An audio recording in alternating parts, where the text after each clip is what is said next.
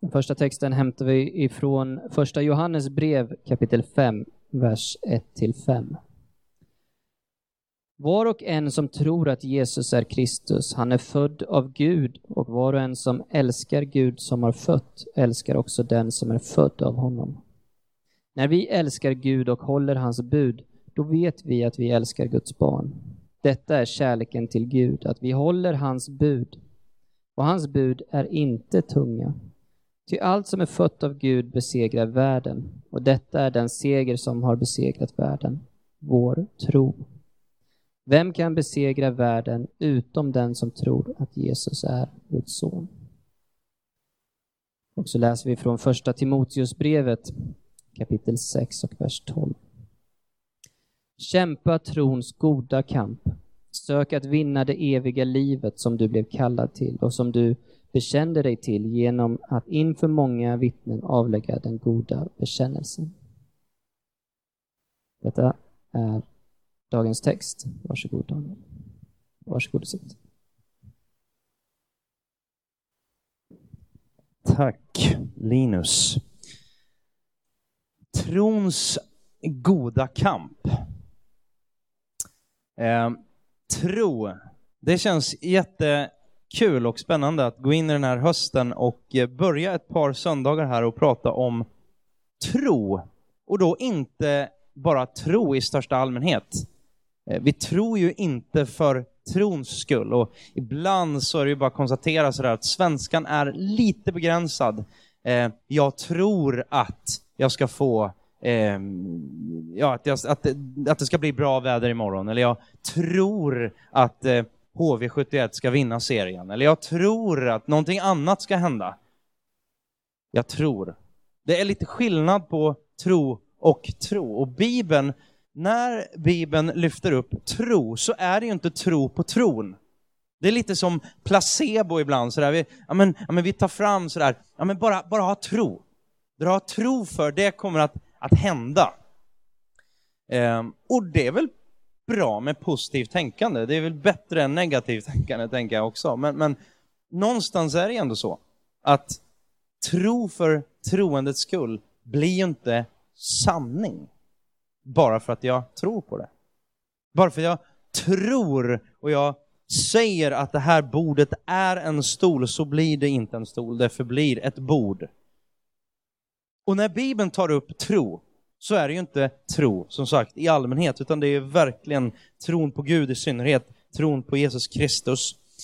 Um, och uh, du som har följt med oss, speciellt här under våren, kanske på podcast eller varit här på gudstjänsterna, så, så har vi talat om tro och uh, att det finns, ja men Bibeln talar om tro utifrån två väldigt tydliga perspektiv.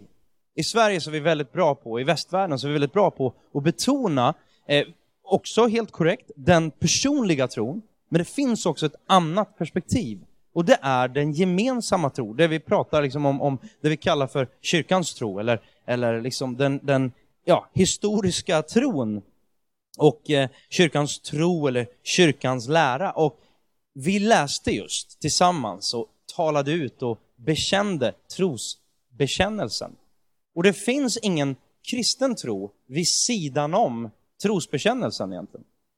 Det finns ingen tro som går utöver, ja men jag har ja, lite sådär, alla vägar bär till Rom. Vi har ju en, en präst som har precis gått ut och sagt det, liksom att nej men låt oss inte hålla på och, och prata så mycket om våra olikheter. Utan låt oss bara prata om alla religioner, bara prata om det, det som, det som, men vi, Gud, liksom det, det, det spelar väl ingen roll hur vi pratar om, utan alla vägar bär till Rom.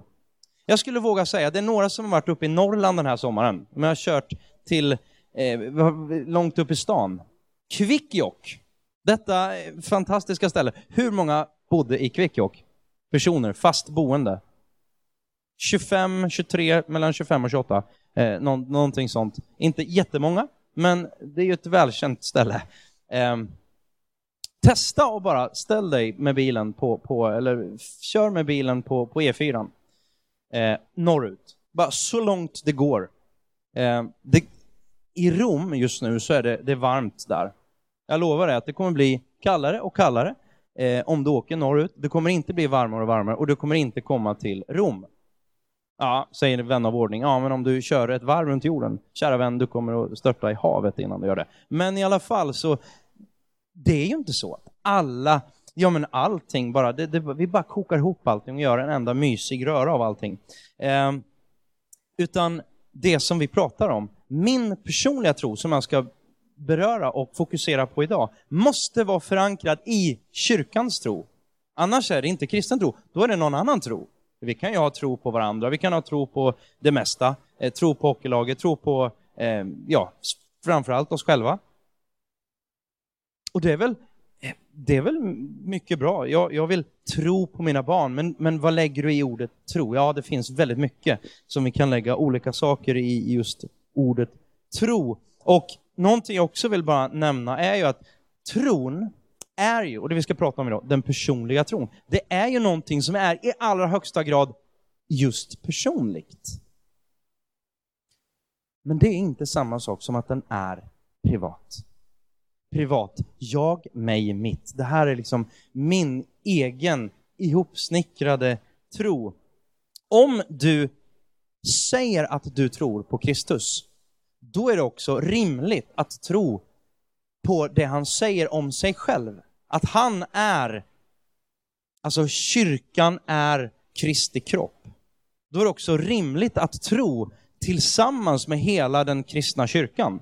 Vi kan inte bara eh, liksom sätta den åt sidan, utan vi måste tro i enlighet med hela Kristi kropp. Ehm, så, så det går inte att skilja de här två åt då. Och, och jag tänker, varför säger jag det här? Jo, men jag tänker att i, i näringslivet och i varenda organisation som växer så måste man ha kvalitetssäkring. Och då säger ju du kanske, ja men kyrkan är ju inte främst en organisation. Nej, men det är en organism som över världen växer explosionsartat. Det gör det. Kyrkan växer väldigt mycket.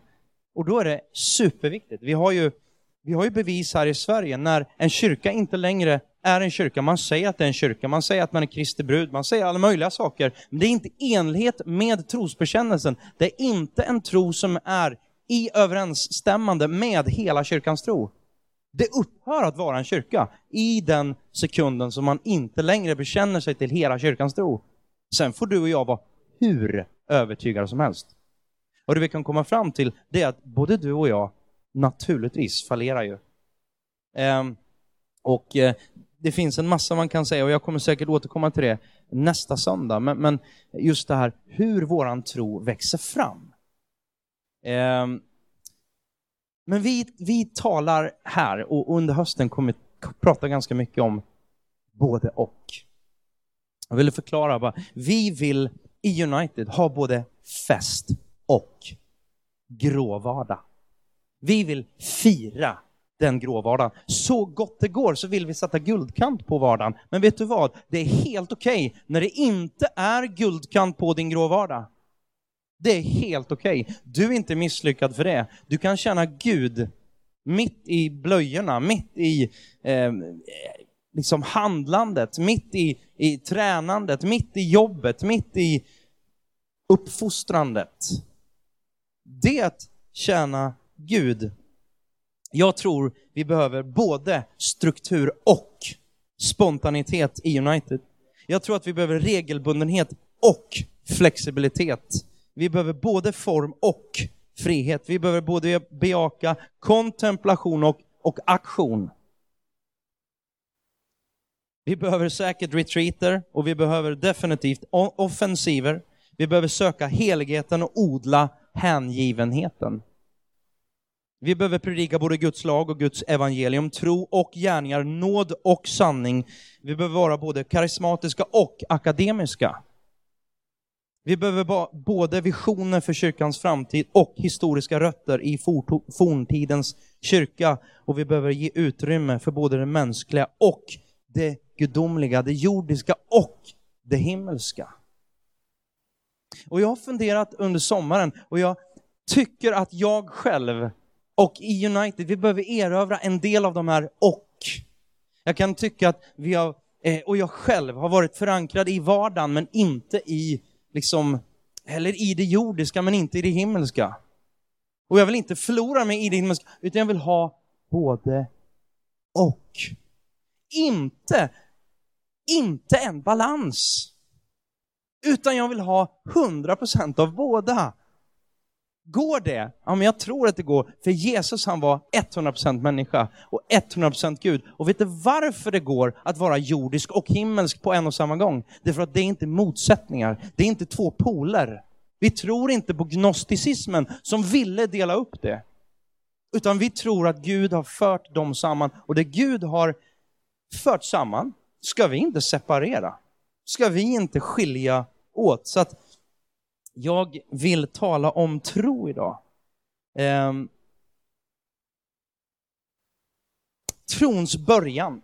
Och nu vill jag, om du sitter här och är helt ny, eller du vet inte vad du tror, eller, eller, eller du kanske sitter här och, och, och har varit med United i, så länge vi har hållit på, eller du, du, du kan inte komma ihåg en tid i livet då, då du inte gick på gudstjänster etc. etc. Jag vill att du bara tänker igenom det här och, och avfärda inte det här så som att ja, men det här har jag hört innan. Det här är för basic för mig, utan jag vill tala om trons början. Eh, vers 1 här i första Johannes brev kapitel 5 eh, så säger då eh, Johannes, var och en som tror att Jesus är Kristus, han är född av Gud. Helt fantastiskt. Eh, född av Gud. Vad betyder det här då, född av Gud? Vi pratar om det här ordet frälst. Kanske vet du vad det här ordet frälst egentligen Det betyder ju att man blir räddad.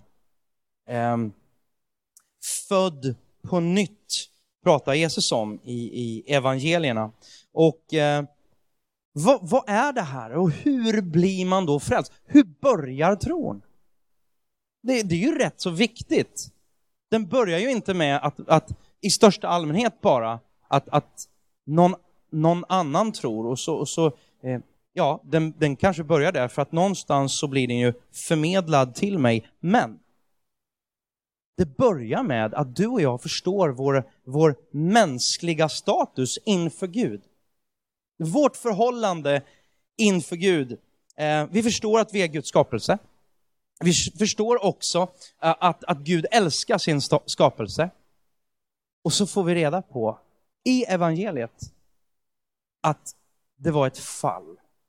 Och att relationen med Gud, relationen mellan Gud och människa gick sönder. Att vi är helt skilda från Gud. Och vid sidan av Gud finns inget liv. Det finns bara död. Det finns bara mörker. Det finns bara tomhet. Visst är det uppmuntrande? Mm. Du är körd utan Gud. Det här är början på evangelium, kära vänner. Du är inte bara, bara för att rub it in riktigt ordentligt, bara för att så här, inte lämna några spår av tvivel. Så enligt Bibeln så bara så här, nej men efter fallet så var människan inte bara så här lite kantstött och bara, mm, det går inte så bra nu, utan man var död. Det var kört. Det var bortom all räddning, mänskligt sett. Inte, ah, jag är väl inte värre än någon annan. Eller, jag gör ju så gott jag kan, hur illa kan det vara? Jag är ju ganska god, jag har ju inte dödat någon senaste veckan. Men i förhållande till evigt liv och till en helig Gud så är du och jag dödsdömda. Du har ingenting att komma med själv. Och mycket riktigt, det här är de dåliga nyheterna som måste komma innan det finns några bra nyheter, goda nyheter. Finns det inga dåliga nyheter, förstår jag inte på djupet, då tror jag inte att man är en, då är man ju inte en, en kristen som är fylld, om man nu bestämmer sig för att jag vill tro på det här. Förstår jag inte varifrån jag kommer, då är jag osäker på, eller jag är helt säker på, att du inte kommer vara fylld med glädje och tacksamhet för det som kommer. Men jag, vi, vi ska komma till det också. Däremot så får man då höra evangelium. Och det är ju inte dåliga nyheter, utan det är goda nyheter. Um, Jesus Kristus, att Jesus är Kristus. så Kristus, det var ju det här, ja men ordet, ett annat ord för, för, samma, för samma benämning, är ordet Messias. Den smorde, kungen som ska komma, kort och gott, Gud blir människa, lever ett perfekt liv och den här twistade skapelsen som det blev i och med fallet, Gud själv, han, han lever och lite grann så här, visar vart skåpet ska stå, visar döden, vägen, visar synden. Så här, så här är det. Och någonstans där så, så hittar vi våran frälsare. Han dör, han bär världens synd. Han dör så att vi får liv. Eh, vi får evigt liv. Och eh, han blir vår ställföreträdare. Han benådar oss, han tar straffet istället för oss. Och så tar man emot de här nyheterna. Man hör det, man tar emot det. Och sen då naturligtvis, man tror att det är sanning och tror på det i sitt hjärta. Och sen kommer då det här, man börjar bekänna det i enlighet med kyrkans tro. Exempelvis att, att tillsammans läsa med hjärtat, inte bara upprepande. Vem som helst kan ju läsa lite, lite text på en skärm, men om man läser från sitt hjärta. Och då säger Romarbrevet, Paulus säger så här i Romarbrevet 10.9. Om du därför med din mun bekänner att Jesus är Herren och i ditt hjärta tror att Gud har uppväckt honom från de döda, ska du bli frälst. Det är frälsningen. Tror du? Du som inte vet vad du tror. Vad tror du? Vågar du chansa, höll jag på att säga. Vågar du chansa på att det här inte, det här inte är sant? Vågar du sätta ditt hopp, din tro till dig själv? Du som har bestämt dig för att tro. Vad tror du egentligen på? Tror du att Jesus är Herren och att Gud har uppväckt Jesus från de döda. För helt plötsligt, då öppnar sig en helt ny värld. Den kristna, den personliga tron, Martin Luther och, och, och några efterkommande teologer, eh, den, den tyske munken på 1500-talet då, de pratar om att den personliga tron, det har jag nämnt också i maj när vi undervisade om det här, men jag vill bara kort, kort eh, köra en, en återkoppling på det. Den kristna personliga trons tre dimensioner. Det första är då mycket riktigt, ja, jag hör. Jag hör och jag förstår evangelium, de glada nyheterna. Två, jag håller de här nyheterna för sanning. Och idag bara ännu mer, att vi, vi fokuserar på den sista där.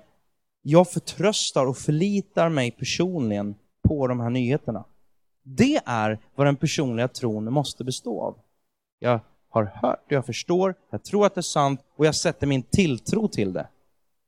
Ibland så tror jag att vi är nöjda med de två första. Men sätter jag min tilltro till det, vad händer då? Vad händer då i mitt liv? Vad händer då i min vardag? Vad händer då i mitt äktenskap? Vad händer då i, i mina kompisrelationer? Vad händer då i, i allt jag gör? Och rimligtvis så, så, bör, så, så kommer det att påverka oss. Um, och jag tror att det är så många av oss som missar den här biten. Det är så många människor som lever sitt liv och tänker så här, ja, Gud gjorde ju det här för den personen. Rent teoretiskt så förstår jag och jag kan liksom åter Ge då, jag förstår att ja, men Gud gjorde det för mig också. Men djupt här inne så tror jag inte riktigt att Gud dog för mig. Att Jesus Kristus gjorde det här för mig. Vi tror att det gäller andra, men inte oss. Inte mig personligen. Men det gäller dig och det gäller mig. Vi ska fira nattvard om en stund och det, då kommer vi uttala orden över dig. Kristi kropp för dig utgiven. Kristi blod för dig utgjutet. Alltså, för dig. Du får gärna bara bedjande och tack, med någon slags tack, tacksägelse, bara säga och bekräfta för mig. För det, Gud vill att du ska veta om att han gjorde det för dig. Um, och jag kommer ihåg första gången, eller första dygnet, när jag, jag var 21 år gammal och jag förstod för första gången, tror jag, på riktigt, liksom förstod för första gången att det gäller mig. Gud är intresserad av mig på djupet. Och jag måste, det som hände var ju att jag blev, jag blev kär. Jag blev förälskad. Jag, jag, jag, blev, jag blev verkligen berörd på djupet. Jag kommer ihåg det var en, en, en natt. Vi var några grabbar som låg i ett stort, eh, en stor gymnastikhall tillsammans med massa andra på ett konferensliknande grej. Och det hade hänt en massa där på, på natten där, där jag upplevde bara att nu, nu gör Gud någonting. Och jag ska inte gå in i något, något flummigt alls, utan bara det som hände där, det var att jag förstod att det här gäller mig. Det gäller mig personligen. Det är inte bara organisatoriskt, eller det är inte bara teoretiskt, eller, eller bara goda idéer, utan det här gäller mig. Det här gäller mitt eviga väl. Det här, det här berör allt i min, hel, hela min varelse. Jag har en, en, en jag är ute på farligt vatten här, men jag ska inte säga någon namn eller någonting. Jag har en kollega som är, han har nyligen träffat en tjej. Och det märks så väl. Vet du, det händer någonting med hans prioriteringar. Det händer någonting när han pratar om henne. Det händer någonting, liksom, för jag vet lite grann, han är ganska ny kollega, men, men jag vet ändå liksom hur, hur han har varit innan och hur han, det är vissa saker som har bara ändrats lite grann sådär. Och det är inte John Ted. Även om han är kär, han är dock inte nykär på det sättet, han kanske är nykär igen. Rika, fantastiskt. Inte... Grejen är ju den att när man blir kär, vad händer då?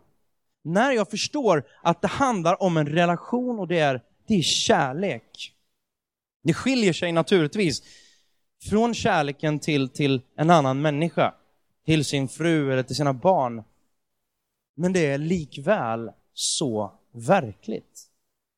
Och Bibeln, jag menar, vi, vi, vi läser ur Johannes brev. Han är ju kärlekens apostel. Alltså hela hans brev och evangelium, det är bara det här, det, det som Spurgeon säger, det är, eh, vad säger man, eh, alltså han har, han har eh, parfymerat sin text med kärlek, skriver han. Han är väldigt poetisk, Spurgeon. och, och, och grejen är att det är verkligen så här, alltså det är så tydligt att allting utgår ifrån kärleken till Gud, och, eller rättare sagt Guds kärlek till oss och så ger vi respons. Och det är en relation med Gud. Plötsligt var det en del saker i mitt liv som inte var särskilt viktiga längre. Plötsligt var det faktiskt så att det var saker i mitt liv som jag bara, det gick ett stygn i mitt hjärta och så bara, det här vill jag inte längre ska vara del. Det var ägodelar, det var, det var en del saker som jag bara så här, det här vill jag inte ha kvar. Det var inte så att jag blev tvingad av någon. Veronica var en av, av de skyldiga till att de drog mig till den här konferensgrejen och, och liksom sådär. We, we go back. Och det hände saker där. Det var inte så att Veronica eller någon annan stod och sa du måste göra det här, du måste göra det här. Men jag, plötsligt så ville jag göra saker. Och jag insåg att helt plötsligt belystes områden som var lite obekväma. Men på grund av den här kärleken, på grund av att jag förstod att det här var för mitt eget bästa, för mitt eviga väl, så var det inte, det var en smärta som var väldigt skön. Och där någonstans så kommer vi in i trons första respons. Punkt nummer två, vers 2 och 3 där. När vi älskar Gud och håller hans bud, då vet vi att vi älskar Guds barn. Detta är kärleken till Gud, att vi håller hans bud. Och hans bud är inte tunga. Det här tar ju emot. Vadå bud? Vadå lag? Vi läste just om lagen. Lagen säger att du och jag är syndare. Lagen säger att du och jag kommer till korta. Vi duger ingenting till i ett evigt perspektiv på det sättet. Men Gud har gett oss, han har gett oss en väg ut. Han har varit våran, han är våran ställföreträdare. Men vi ska kalla, vi, vi är kallade att hålla hans bud.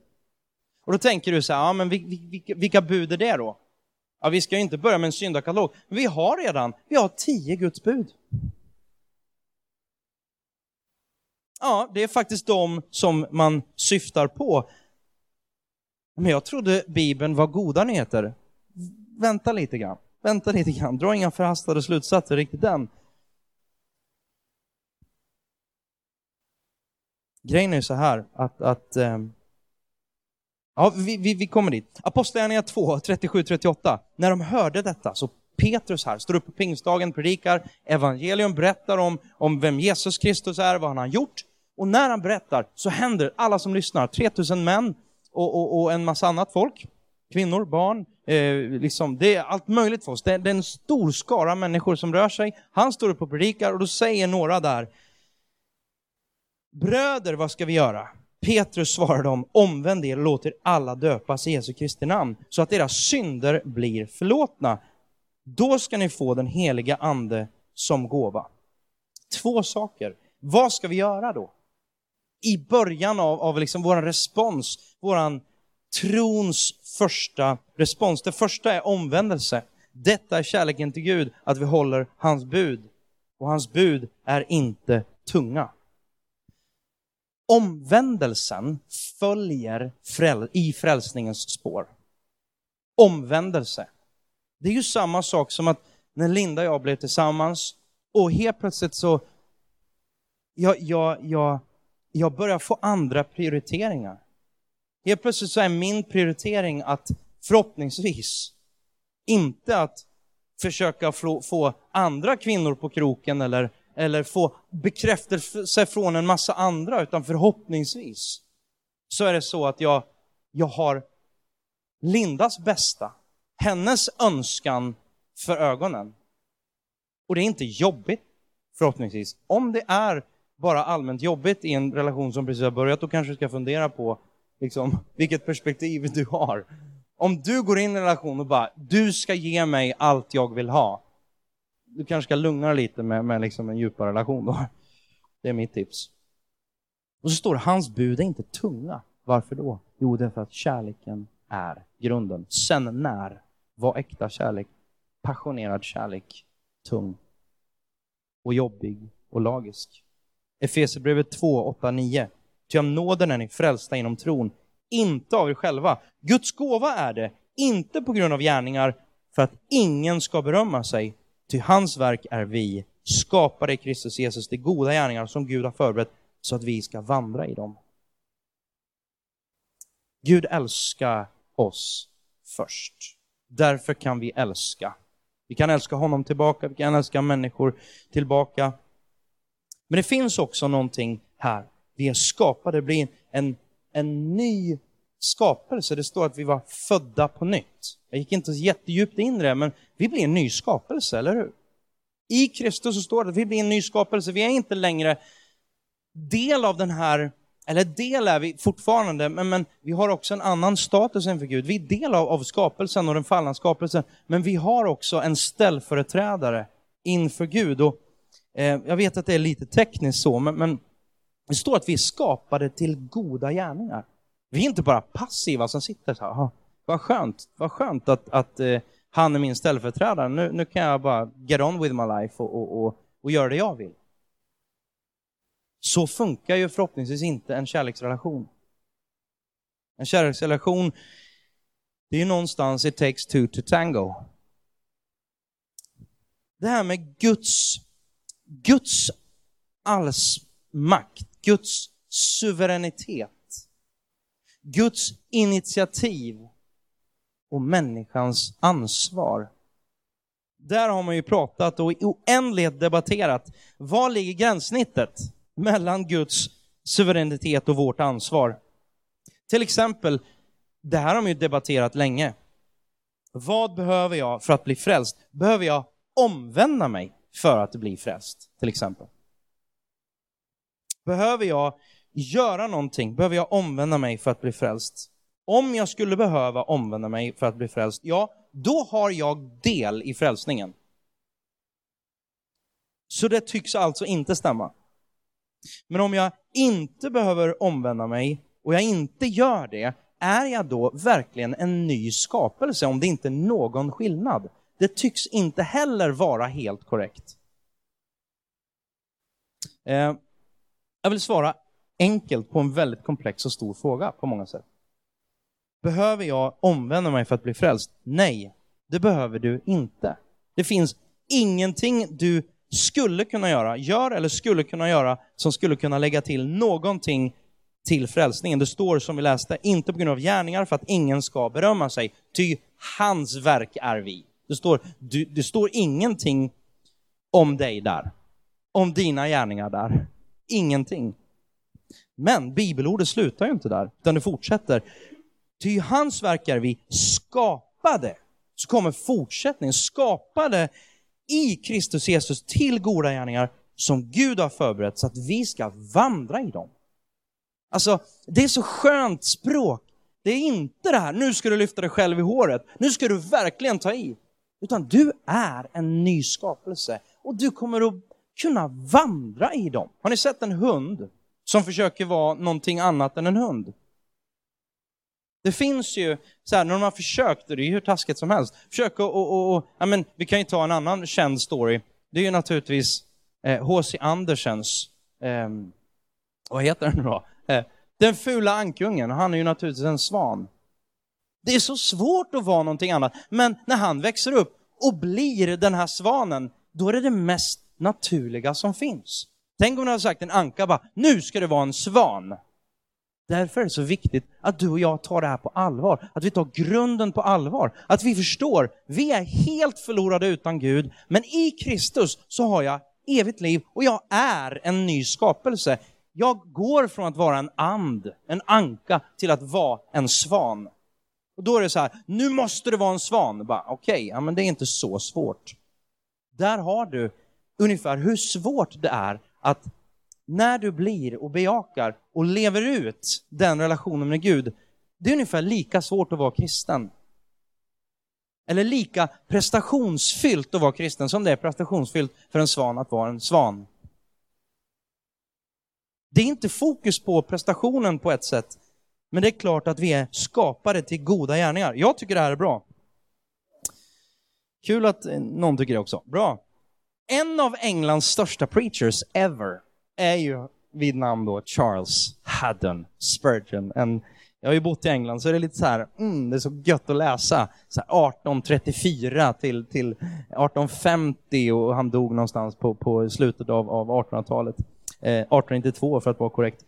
Eh, han skriver så här om just, just det här, om den här, de här två bitarna. Om min egen, mitt eget ansvar och Guds ansvar. Var går gränssnittet? Att erhålla förlåtelse är en omätlig förmån. Och David, alltså kung David i Gamla Testamentet, och David uttalar också detta i en av de första punkterna i en av sina lovsalmer med dessa ord. Som förlåter dig alla dina synder. Det här är tillbaka på Gamla Testamentet. Det här är inte bara Nytestamentet. Gud är en, en, en nådefull Gud. Men om vi kunde erhålla förlåtelse och likväl hade tillåtelse att älska synden, att frossa i orättfärdigheten, att vältra oss i lustarna, vad skulle vi väl ha för nytta av sån förlåtelse? Skulle den inte vändas till ett sött gift för oss, vilket slutligen skulle på det grundligaste sätt fördärva oss? Att bli tvättad och ligga eh, likväl ligga kvar i dyn, att bli förklarad ren och likväl ha kvar spetälskefläcken på sin panna skulle vara ett verkligt hån av nåden. Vad gagnade det väl en människa fördes ut ur sin grav om, om hon förblev död? Eller att en blind fördes ut ur ljuset om han förblev blind. Jag tycker det är så tydligt och det är väldigt vackert skrivet. Några saker om Gud. Gud är allsmäktig. Vi har undervisat om det under vår trosbekännelseserie och vi läste det. Gud, allsmäktig fader, skapare av himmel och jord. Han är allsmäktig. Smaka på det ordet. Allsmäktig. Han har all makt. Det finns någon annan som sa det också. Gud Fadern, Sonen, Jesus Kristus sa, all makt har blivit given till mig. Gå därför ut. All makt. All makt. Den är, den är grymt svår att bara, mm, vad betyder det? Det betyder att ingenting är omöjligt för honom. Ingenting ligger utanför hans, hans eh, liksom grepp. Ingenting går ut över, finns ingen som kan vinna över honom. Det är inte så yin och yang där, där, där mörkrets makter står och fightas och är jämbördiga och det, det, står, det står och tippar så här. Undra om Jesus ska vinna, undra om Gud ska vinna. Han har redan vunnit. Han har redan vunnit. Han sa, det är klart. Det är slut. Det är avklarat. Det är fullständigt. Ja, segern är hemma. Gud är allsmäktig. Guds frälsning är endast av nåd. Nåd per definition. Om du skulle få nåd, nåd för att det ska vara nåd, då behöver du se till att, eller se till, det är något som du inte förtjänar, eller hur? För om du förtjänar det, då är det inte längre nåd. Frälsningen är av nåd och nåd alena, sola gratia, by grace alone. Det finns inga gärningar någon av oss kan göra för att någonstans kunna hävda att vi ens har en liten del i frälsningen. Den är helt och hållet ifrån honom.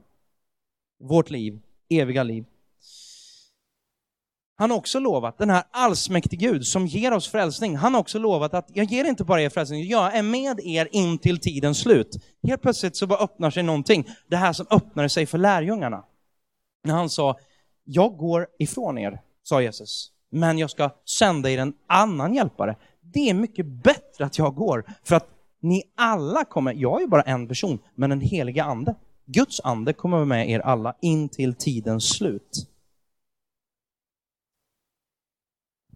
Gud är mästerschackspelaren. Det kommer att bli som han har tänkt.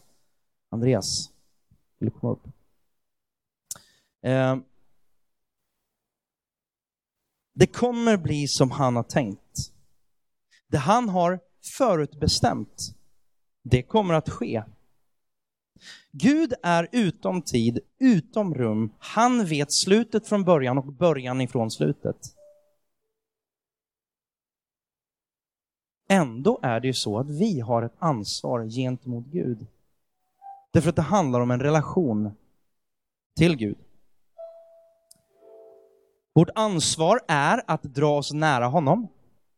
Då kommer han dra sig nära oss. Vårt ansvar är att lyda Gud. Matteus 22 säger du ska älska Herren din Gud av hela ditt hjärta, hela din själ och av hela ditt förstånd. Detta är, den största och, det är det största och främsta budet. Sen kommer ett som liknar det. Du ska älska din nästa som dig själv. På dessa två bud hänger hela lagen och profeterna. I United säger vi, du ska älska Gud, älska livet och älska människor. Det är vår respons på Guds kärlek.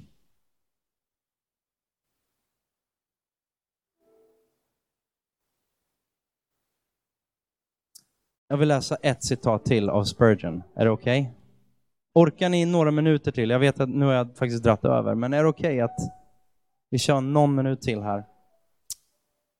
De här två sanningarna om Guds allsmakt och mitt ansvar skriver han också så här. Det här är otroligt vackert. Dessa två sanningar tror jag inte någonsin kan svetsas till ett i något mänskligt städ. Men ett ska de vara i evigheten. De är två linjer så nära och parallella att sinnet som följer dem aldrig kommer att upptäcka att de konvergerar. Men det gör de. De kommer att träffas någonstans i evigheten. Nära Guds tron varifrån all vår sanning kommer. Kan vi förstå att Gud är i Kristus Jesus både Gud, 100% Gud, 100% människa? Nej, det kan vi inte förstå. Hur kan vi förstå att Gud är allsmäktig och samtidigt har vi ett ansvar? Det kan vi kanske inte riktigt förstå. Jag vill avsluta med den, egentligen, kanske förutom våran bekännelse, men det står när de säger det, här, det griper tag i dem. Apostlagärningarna 2.38. Bröder, vad ska vi göra? Omvänd er och låt er alla döpas i Jesu Kristi namn. Dopet. Dopet är den första yttre bekräftelsen på din tro. Vi önskar ha dop här i höst. Vi önskar ha många dop åren som kommer. Människor som själva har bestämt sig för att följa Jesus och säger att jag vill döpa mig. Men ibland så tror vi att vi behöver komma en bit på vägen för att låta oss döpa oss. Låta någon och församlingen, kyrkan, döpa oss. Men inte enligt Bibeln. Dopet handlar om, ja egentligen i korthet, det är en bekräftelse på att jag avkläder mig det liv som jag hade i, i den gamla, liksom den förstörda världen och jag plockar upp, jag stiger upp, jag återuppstår i det himmelska. Det är 100% mänskligt och 100% gudomligt på samma gång.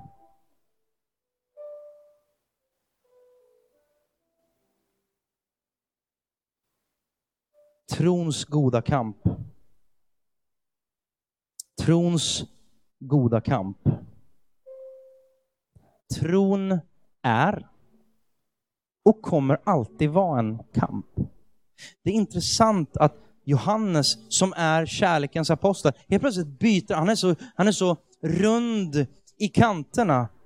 Men helt plötsligt så, så ändrar han lite ton i kapitel 5 där vi läste. Och så helt plötsligt blir det en ton av liksom tron, den enda, så det som övervinner världen. Helt plötsligt så, så blir han skarp. Det, det är krig. Det är kamp. Det, det, det, det, det är något våldsamt. Han, han, han, han lyfter upp något och det, det, det smakar lite annorlunda. Tro som övervinner världen. Jesus själv, han pratar om, om du bara har tro så stor som ett senapskorn, då ska du kunna säga att det här berget flyttar dig dit bort och det kommer att flytta sig ingenting ska vara omöjligt för er. När vi går in i nattvarden här om en liten stund, Veronica och Therese, där. Välkomna upp. Vi ska ta och avsluta med en bön. Men ta med dig till, till bordet, till nattvarden. Vi kommer att ha, på den vänstra sidan så kommer vi ha några som är beredda att be för er. Ta med er, finns det några berg som du måste flytta på? Finns det någonting som du behöver ta tag i? Måste, måste det bli verkligt för dig varifrån du har kommit? Hur illa det är utan Gud? Och hur väl det är med Gud? Jag önskar att det här skulle få vara någonting som blir en, en, en grund som vi står på där vi inte krampaktigt tror att vi är ankor och försöker vara svanar, utan vi lever ut till fullo de vi faktiskt är. Tar ut vingbredden.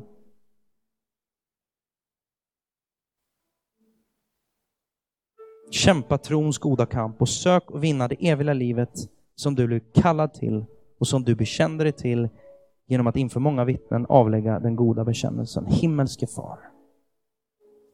Tack för ditt ord.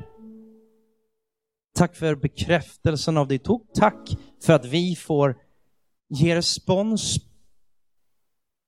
på din kärlek, på ditt offer, på frälsningen.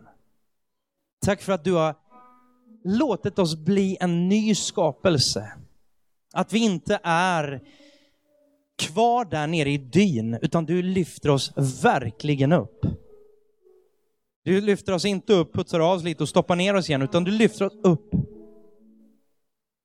Och jag ber att du skulle hjälpa oss att bevara tron. Att vi skulle få låta tron växa. Låt ditt ord bära frukt i våra hjärtan, i våra liv idag. I Jesu Kristi namn. Amen. All lovsång tillhör dig.